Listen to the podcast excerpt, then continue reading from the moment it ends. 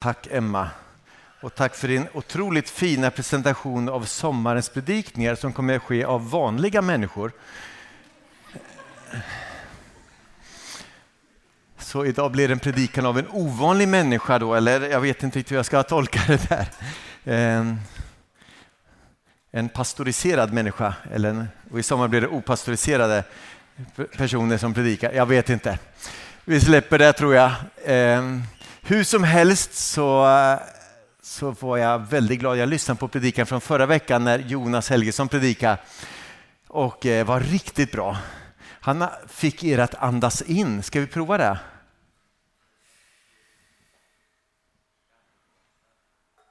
Och så får ni andas ut. Ja. Om jag någon gång säger att ni ska andas in, det är okej okay också att andas ut även om jag skulle glömma bort det.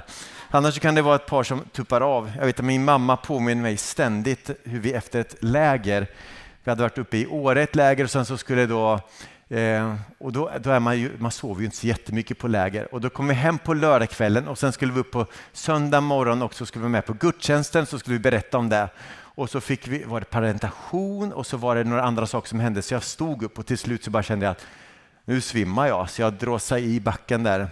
Så att, eh, hon påminner mig om det, så hon säger ofta till mig, ja, du sitter ner ibland också va? Ja, men mamma, det var ju 40 år sedan, typ, eller 30 år sedan. Så, jag vet inte varför jag berättar det, men jag gjorde det i alla fall. Eh, vi läser i Fesebrevet och Jonas predikade om de tre första kapitlen förra veckan. Att det är mycket att andas in, att ta emot, att få, liksom få uppleva vad har Gud gjort för mig? Vad kan jag få ta del av hans liv in i mitt liv? Och Efesierbrevet är som att där ser man lite av Guds hjärta.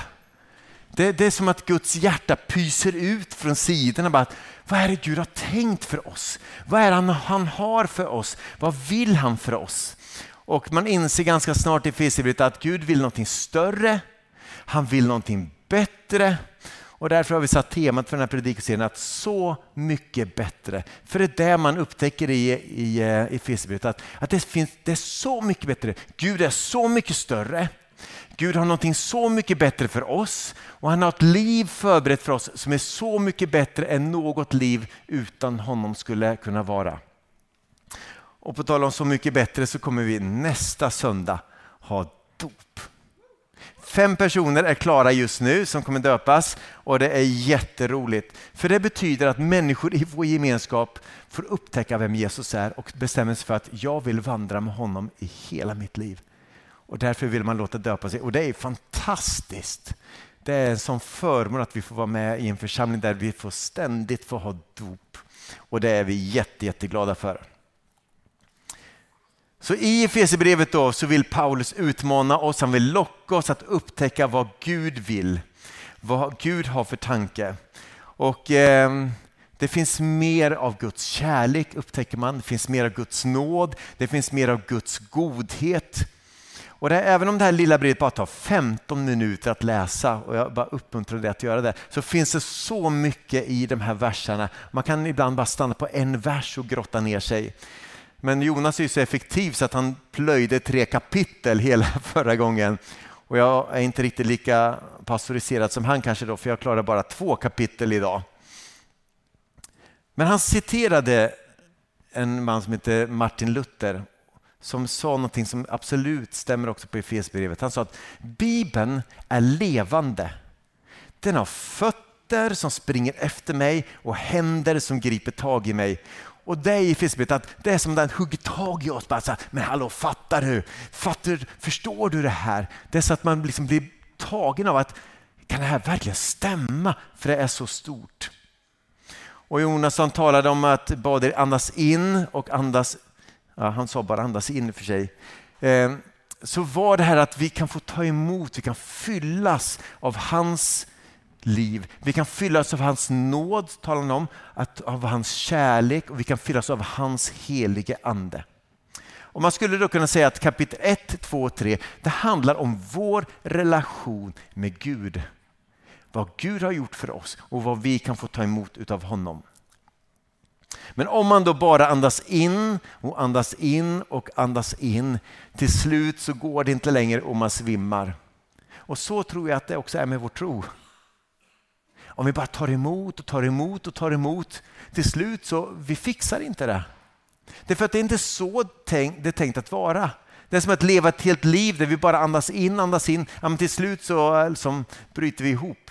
Därför att Guds tanke är att livet med honom ska vara att få ta emot och ge ut. Ta emot och få ge ut. Och det är ett naturligt, det naturliga kristna livet. Tro gör du inte bara med huvudet, du gör det också med munnen och med händerna och med fötterna.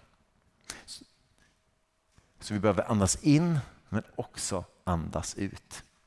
Vi ska läsa några verser från kapitel 2 där då Paulus talar just det här om andas in-delen. Han säger så här, och jag älskar de här verserna, att det står att, att Gud som är rik på barmhärtighet han har älskat oss med så stor kärlek att fastän vi var döda genom våra överträdelser och synder har han gjort oss levande tillsammans med Kristus. Och så säger han så här, av nåd är ni frälsta Wow, det här alltså andas in och sen fortsätter man och så kommer man till piken som jag tycker i kapitel 2 där i vers 10. Då står det återigen att vi är hans verk eller hans mästerverk. Alltså bara andas in där, jag är Guds mästerverk. Skapade genom Kristus Jesus. Alltså att andas in det, att jag är skapad av Kristus Jesus.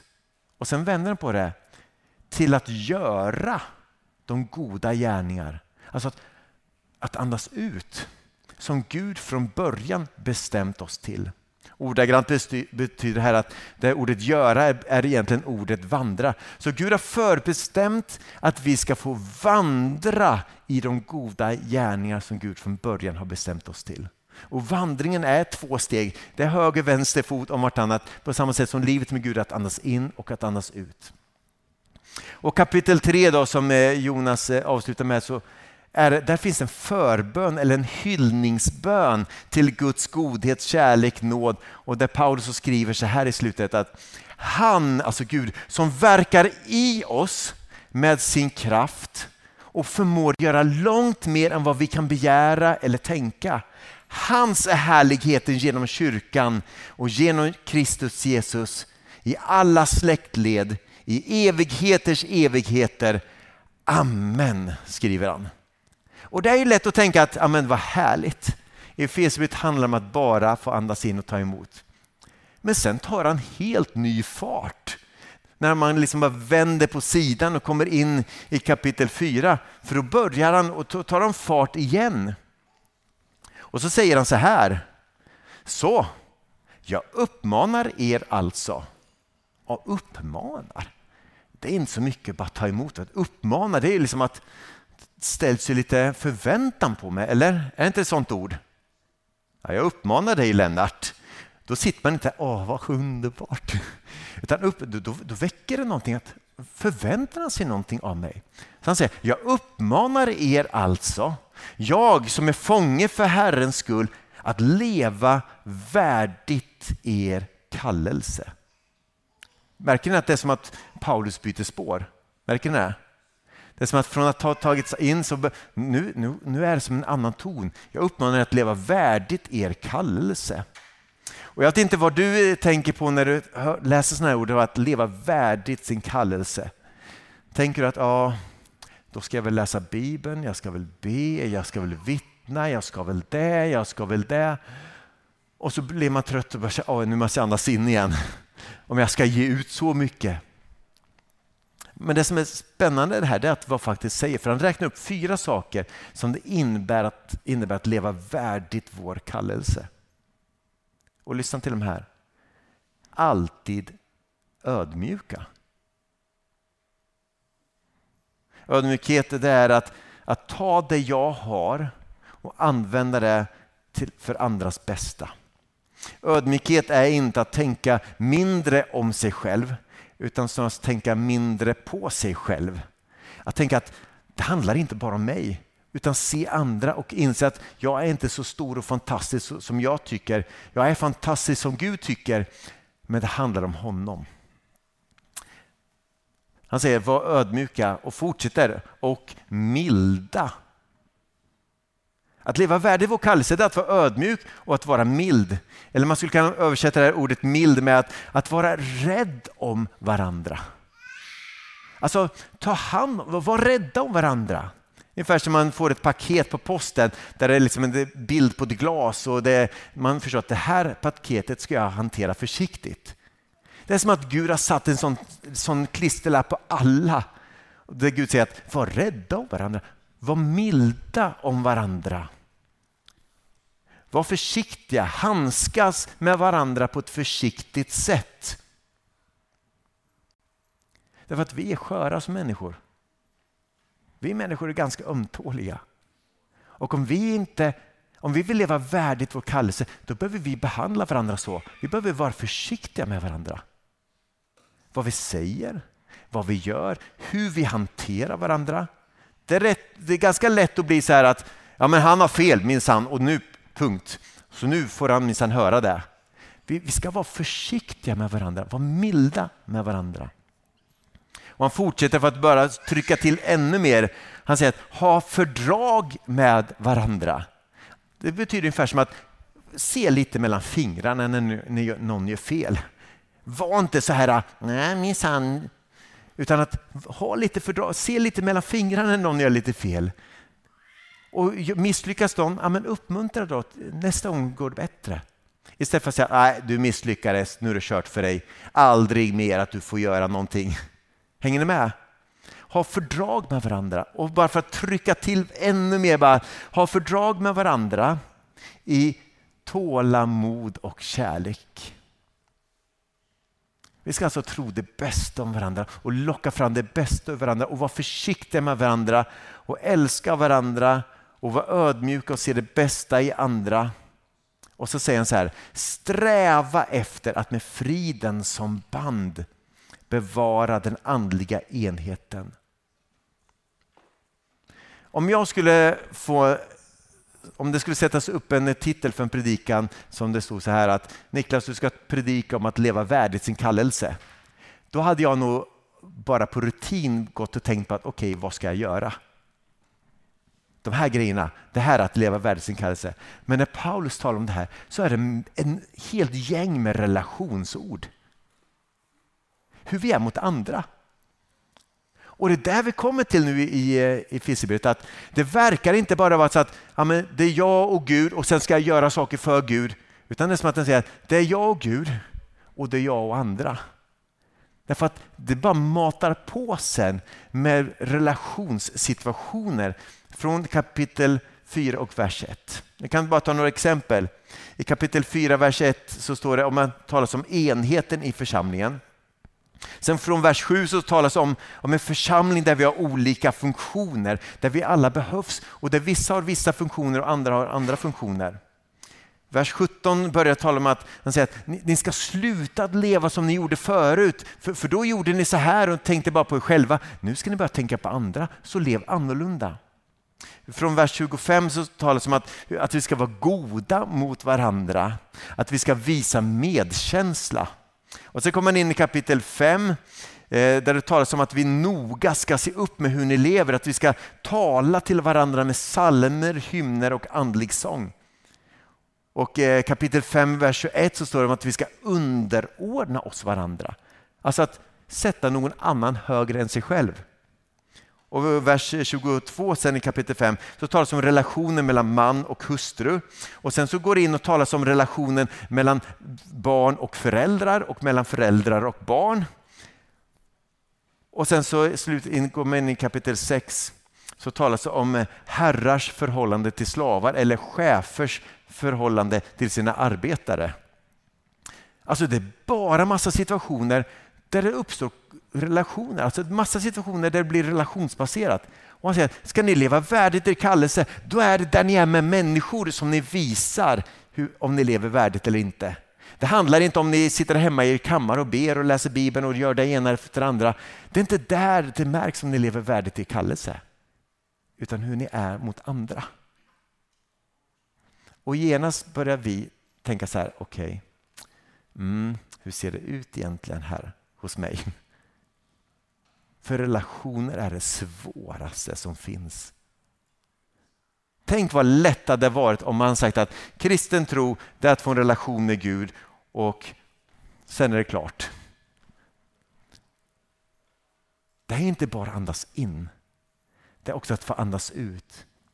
Men jag vet att ni alla har erfarenheter av när ni har varit med i sammanhang där ni fått andats ut och se vilken förvandling det kan ske när jag får vara med och ge vidare av det Gud som har gett mig och får vara med och ge ut, andas ut i människor.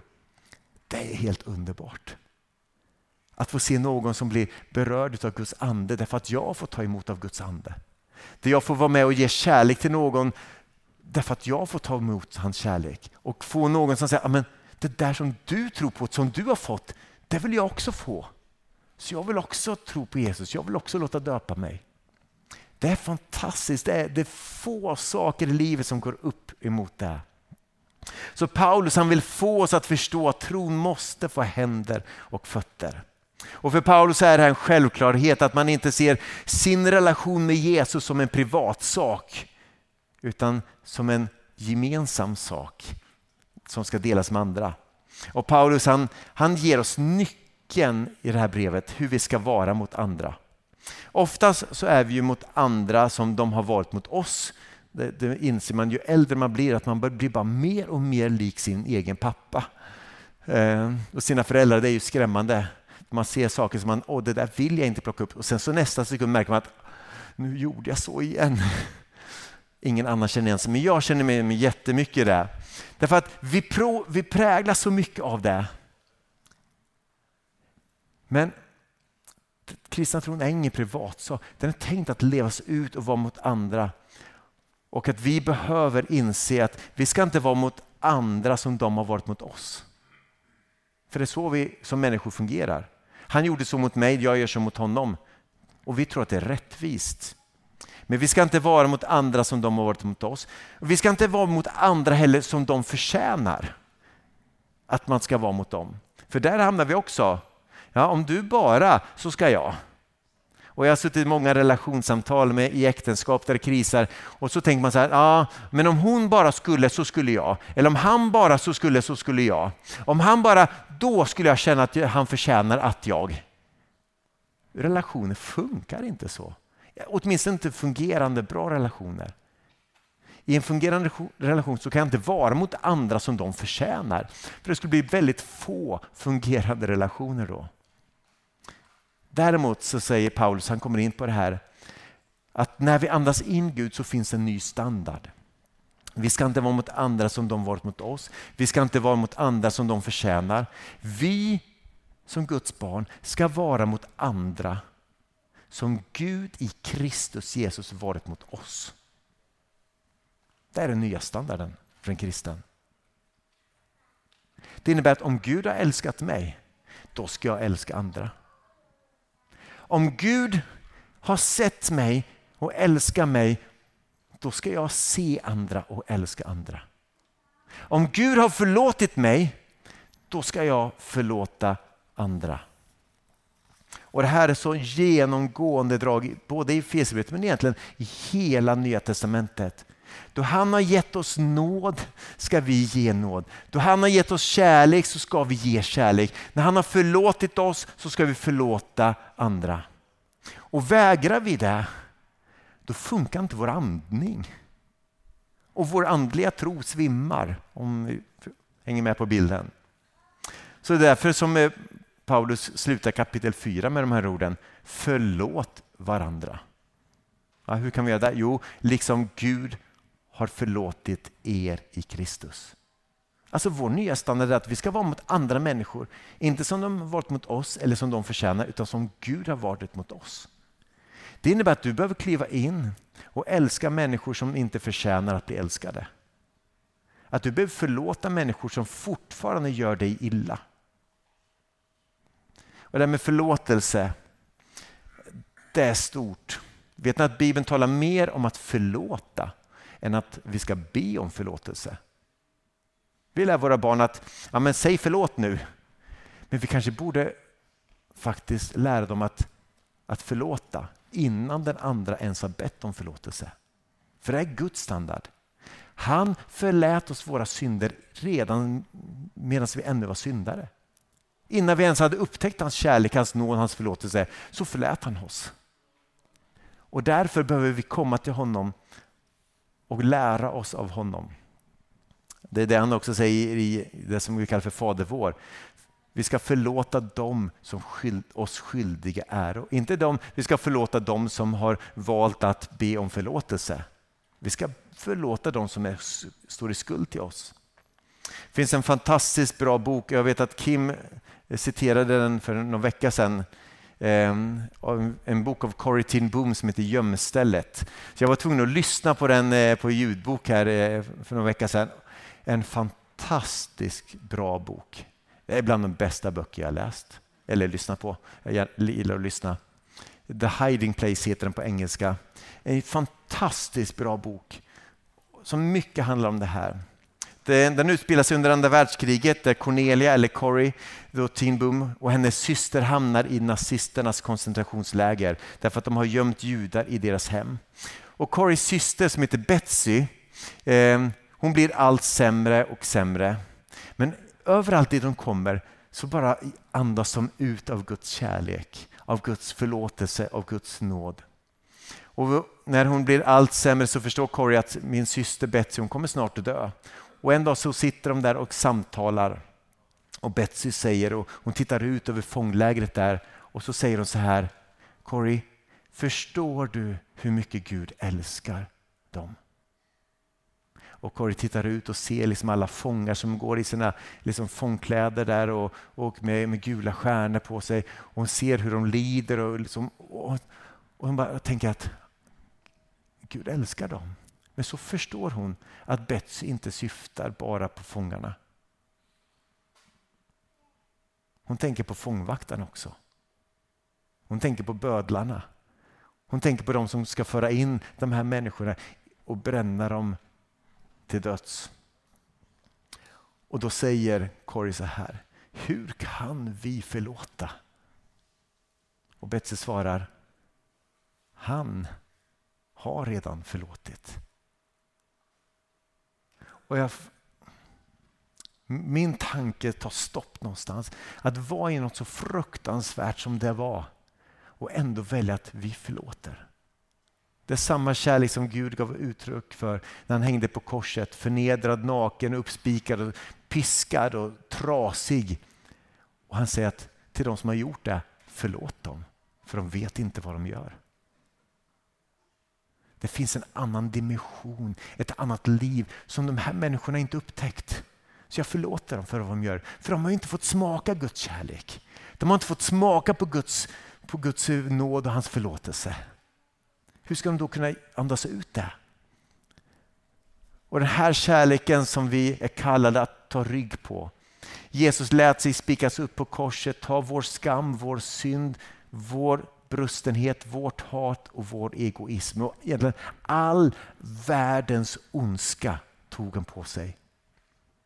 Så att vi kan andas in hans godhet och andas ut den till människor som vi möter. Han förlät oss, så låt oss förlåta varandra. Är det enkelt? Nej. Är det omöjligt? Ja, för det mesta faktiskt. Därför behöver vi andas in Gud så att vi kan andas ut. Och har du problem att förlåta, ja, men gå till honom och säg Gud, jag behöver andas in mer av din förlåtelse. Jag behöver förstå ännu mer hur du har förlåtit mig. För jag behöver andas ut förlåtelse till andra människor. Gud förlät oss och låt oss förlåta varandra. Men då vi tagit emot Jesu kärlek, nåd och godhet så kan vi ge vidare av det. Och därför fortsätter Paulus med de här orden. Ta alltså Gud till föredöme. Alltså ta rygg på honom. För du fixar inte det här själv.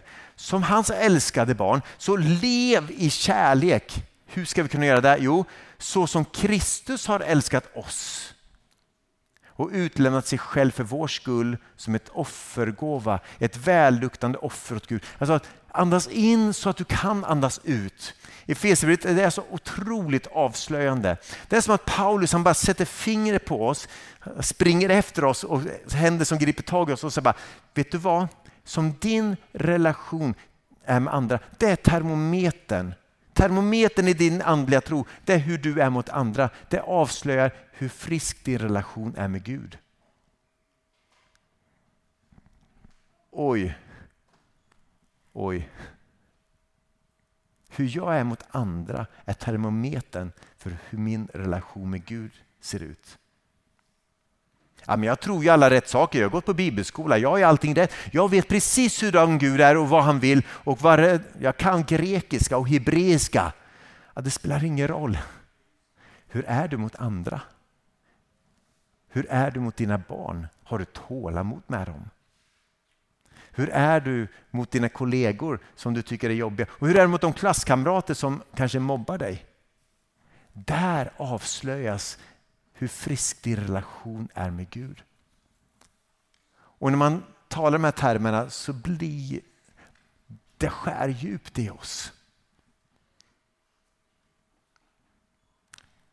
Men det är här Guds nåd bara kan lägga sig som en, ett varmt täcke på oss. Att jag ser att du försöker misslyckas, men jag älskar dig ändå.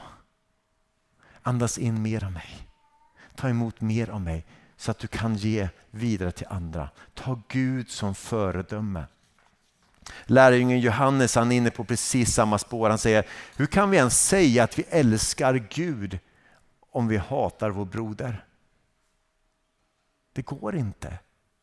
Därför att vår kärlek till Gud och vår kärlek till andra, det hör ihop.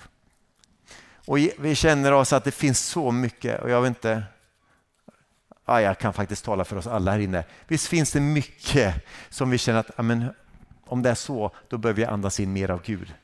Är det inte så? Ja, jag hoppas det.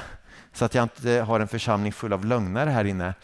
Vet du att det är så, vi känner av det här.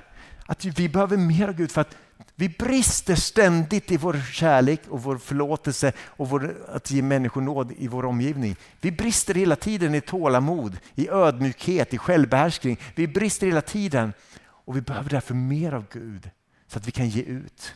Men ibland tror vi att det bara ska hända naturligt. Att bara jag får ta emot av Gud, då kommer allting ordna sig. Jesus talar om att vi måste välja att förlåta att välja att ge ut. Och ibland är det inte bekvämt, men vi får göra det ändå.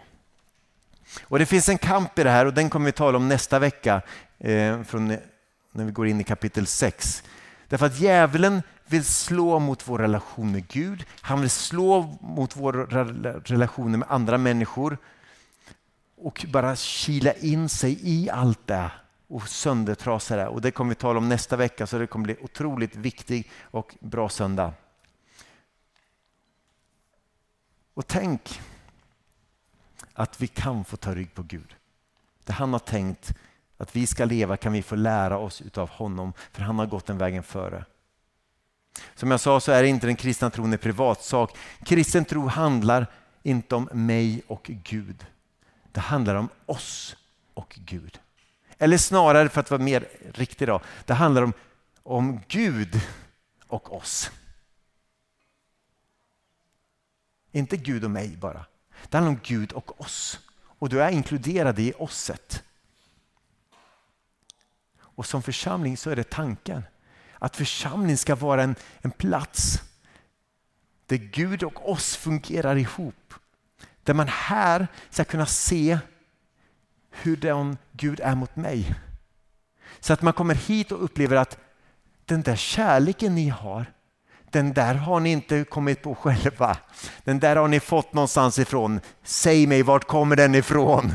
Och då får vi berätta, det är vår, faktiskt vår Gud som älskat oss först. Så att vi kan älska vidare. Och när man hör vittnesbörd om hur kan du förlåta? Alltså jag bara undrar, hur kunde, hur kunde Betsy välja att förlåta fångvaktarna och hon fick den frågan. De såg på hennes liv och på Corrie Timbuns Boons liv och de frågade vad har ni? Och då fick de peka på sin relation med Gud och säga att det är honom vi har.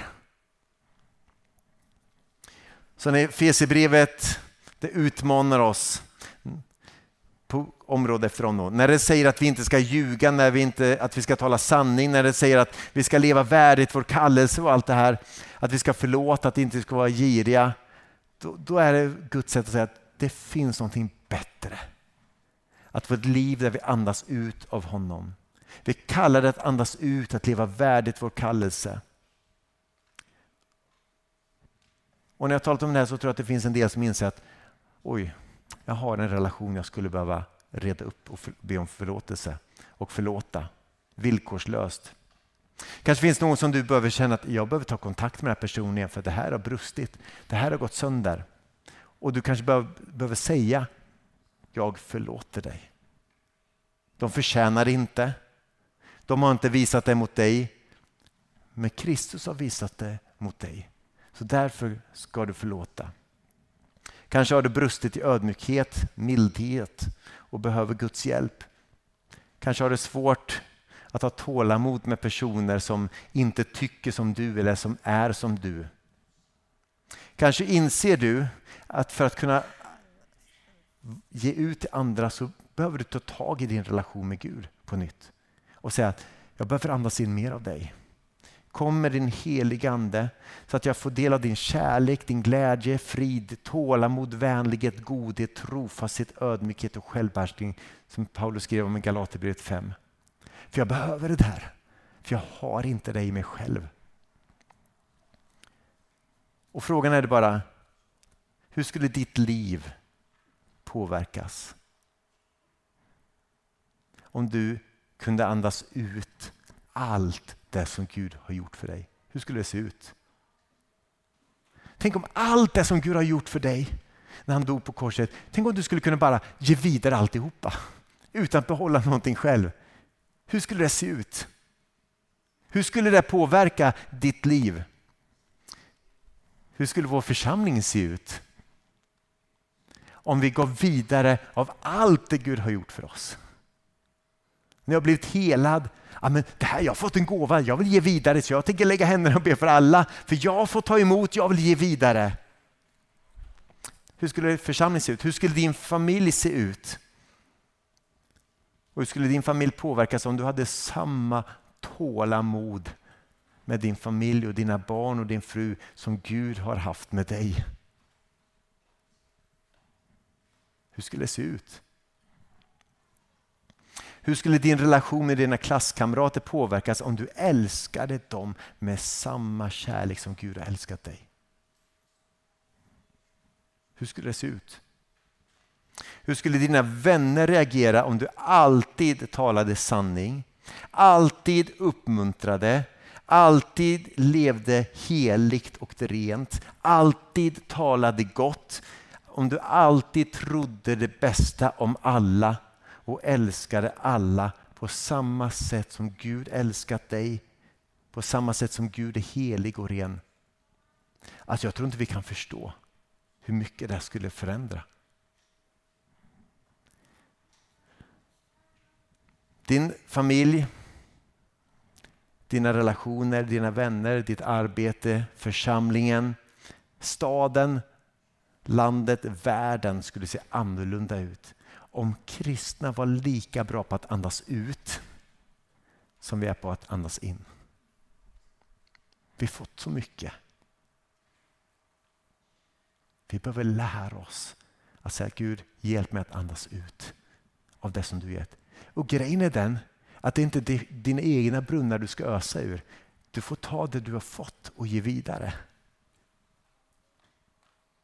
Därför är det så viktigt att, att man hittar den här rytmen i andningen där jag andas in och andas ut. Jag tar emot och jag är vidare. Det får inte bli kramp att man oh, jag måste, nu måste jag ge ut, ge ut. Nej, låt det bli en naturlig gång där du söker dig närmare Gud så att du kan ge vidare. Du fyller på av honom så att du kan ge vidare till andra. Den här naturliga... Jag vet att nu har ni suttit här snart i en halvtimme och lyssnat på mig. Ni har andats hela tiden. Hur många har tänkt på att ni har andats? Ingen har tänkt på att ni har andats. Det har bara hänt. Och det är det som Gud har tänkt för oss. Tänk när livet blir så med Gud att det bara händer. Det bara sker. Jag bara, nu, nu bara känner att jag vill uppmuntra. Det är bara för att, inte för att ah, jag måste uppmuntra för Gud har ju uppmuntrat mig. Utan att det sker naturligt. Vi får andas in och vi får ge ut. Andas in och ge ut hela tiden. Och kanske är det ändå så att någon skulle behöva gå hem och tänka att ja, jag har nu andats in så mycket av Guds förlåtelse. Nu är det dags att jag faktiskt tar tag i och ber om förlåtelse. Kanske behöver någon annan gå hem och säga att Gud, nu får det vara du och jag. Jag lämnar inte rummet förrän du fyller mig med mer av din kärlek. För jag, jag brister. Fyll mig med din ande.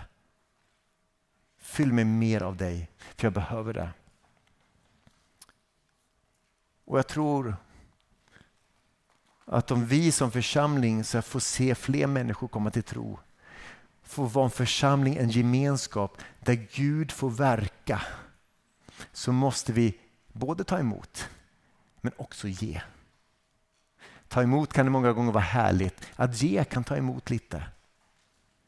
Men ju mer vi gör det, ju mer naturligt kommer det vara för oss. Och jag önskar det för er och jag önskar det för mig att det livet med Gud ska vara någonting som sker naturligt. Det finns en jobbig vers i Bibeln som är den kortaste versen. Det står så här, be ständigt. Hur kan man göra det och vad jobbigt det känns? Det borde vara lika jobbigt att läsa den versen som det stod att andas ständigt. Ja, men det är väl inget svårt, det sker ju hela tiden. Och det är så Gud vill fungera i våra liv. Att vi får ta emot och vi får ge, ta emot och ge.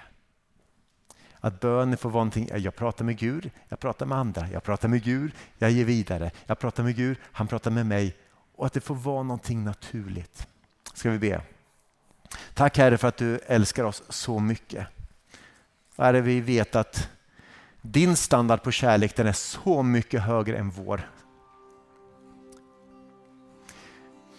Herre, din förlåtelse den är så mycket större än vad vi klarar av.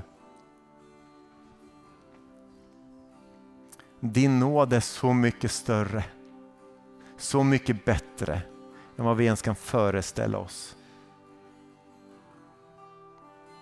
Ditt tålamod med oss är så mycket större än vad vi har till de som vi möter. Så vi ber dig heligande att du skulle få fylla oss. Fyll oss med ditt liv. Vi vill andas in dig så att vi kan andas ut dig. Fyll oss. Du ser de här inne som känner att de nästan svimmar för att de, man bara försöker att andas in och jag vill ha mer, jag vill ha mer och det, bara, det funkar inte. Gud hjälp dem att andas ut. Du ser dem också här inne som har andats ut mycket, gett vidare och gett och gett och känner att jag, jag är trött, jag är tom. Därför att du kan, du kan andas på dem just nu med din ande. Fyll dem med din helige ande. Jag vet att det är din ande som gör hela skillnaden i våra liv. Det är din ande som gör hela skillnaden. Det är din ande Gud som är din närvaro i oss. Utan din ande så har vi inte dig. Så fyll oss med din ande. Fyll oss med din kärlek. Fyll oss med din glädje, din frid. Fyll oss med ditt tålamod, din vänlighet och din godhet. Fyll oss med din trofasthet. Fyll oss med din ödmjukhet och din självbehärskning. För vi behöver det. För vi brister så ofta. Så kom nu heligande och fyll oss med ditt liv. Här för att vi får ge dig ära med våra liv. Och låt våra liv levas till din ära. Så att du blir synlig i oss. Så att du blir synlig i våra familjer, att du blir synlig i vår församling. Att du blir synlig i Malmö. Därför att vi ger ut av vad du har gett. Ska vi göra så att vi ställer oss upp. Och vi ska sjunga en, en härlig sång som heter Ära. Och jag skulle bara vilja att när vi gör det, om du känner att du är i ett läge att du behöver få andas in mer av Gud, så håll fram dina händer som ett tecken på att jag vill andas in mer av dig. Om du är i ett läge där du känner att jag skulle behöva faktiskt börja ge ut mer, då vill jag att du håller ihop dina händer. Därför att du har fått saker och du behöver ge vidare. Så håll ihop dina händer då. För att bara säga att, ja men Gud, jag har fått, jag vill ge vidare nu.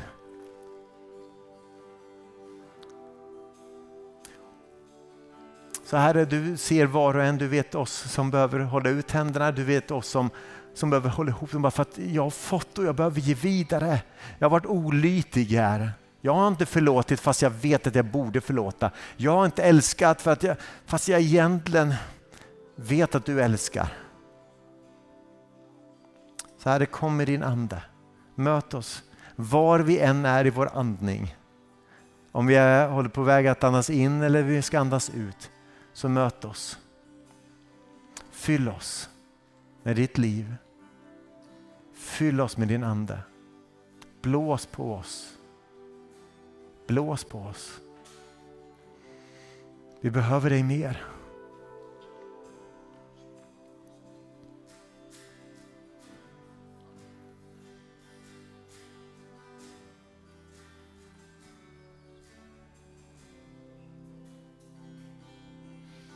Jag ber om mod också till de som, som har personer som de tänker på som de behöver be om förlåtelse.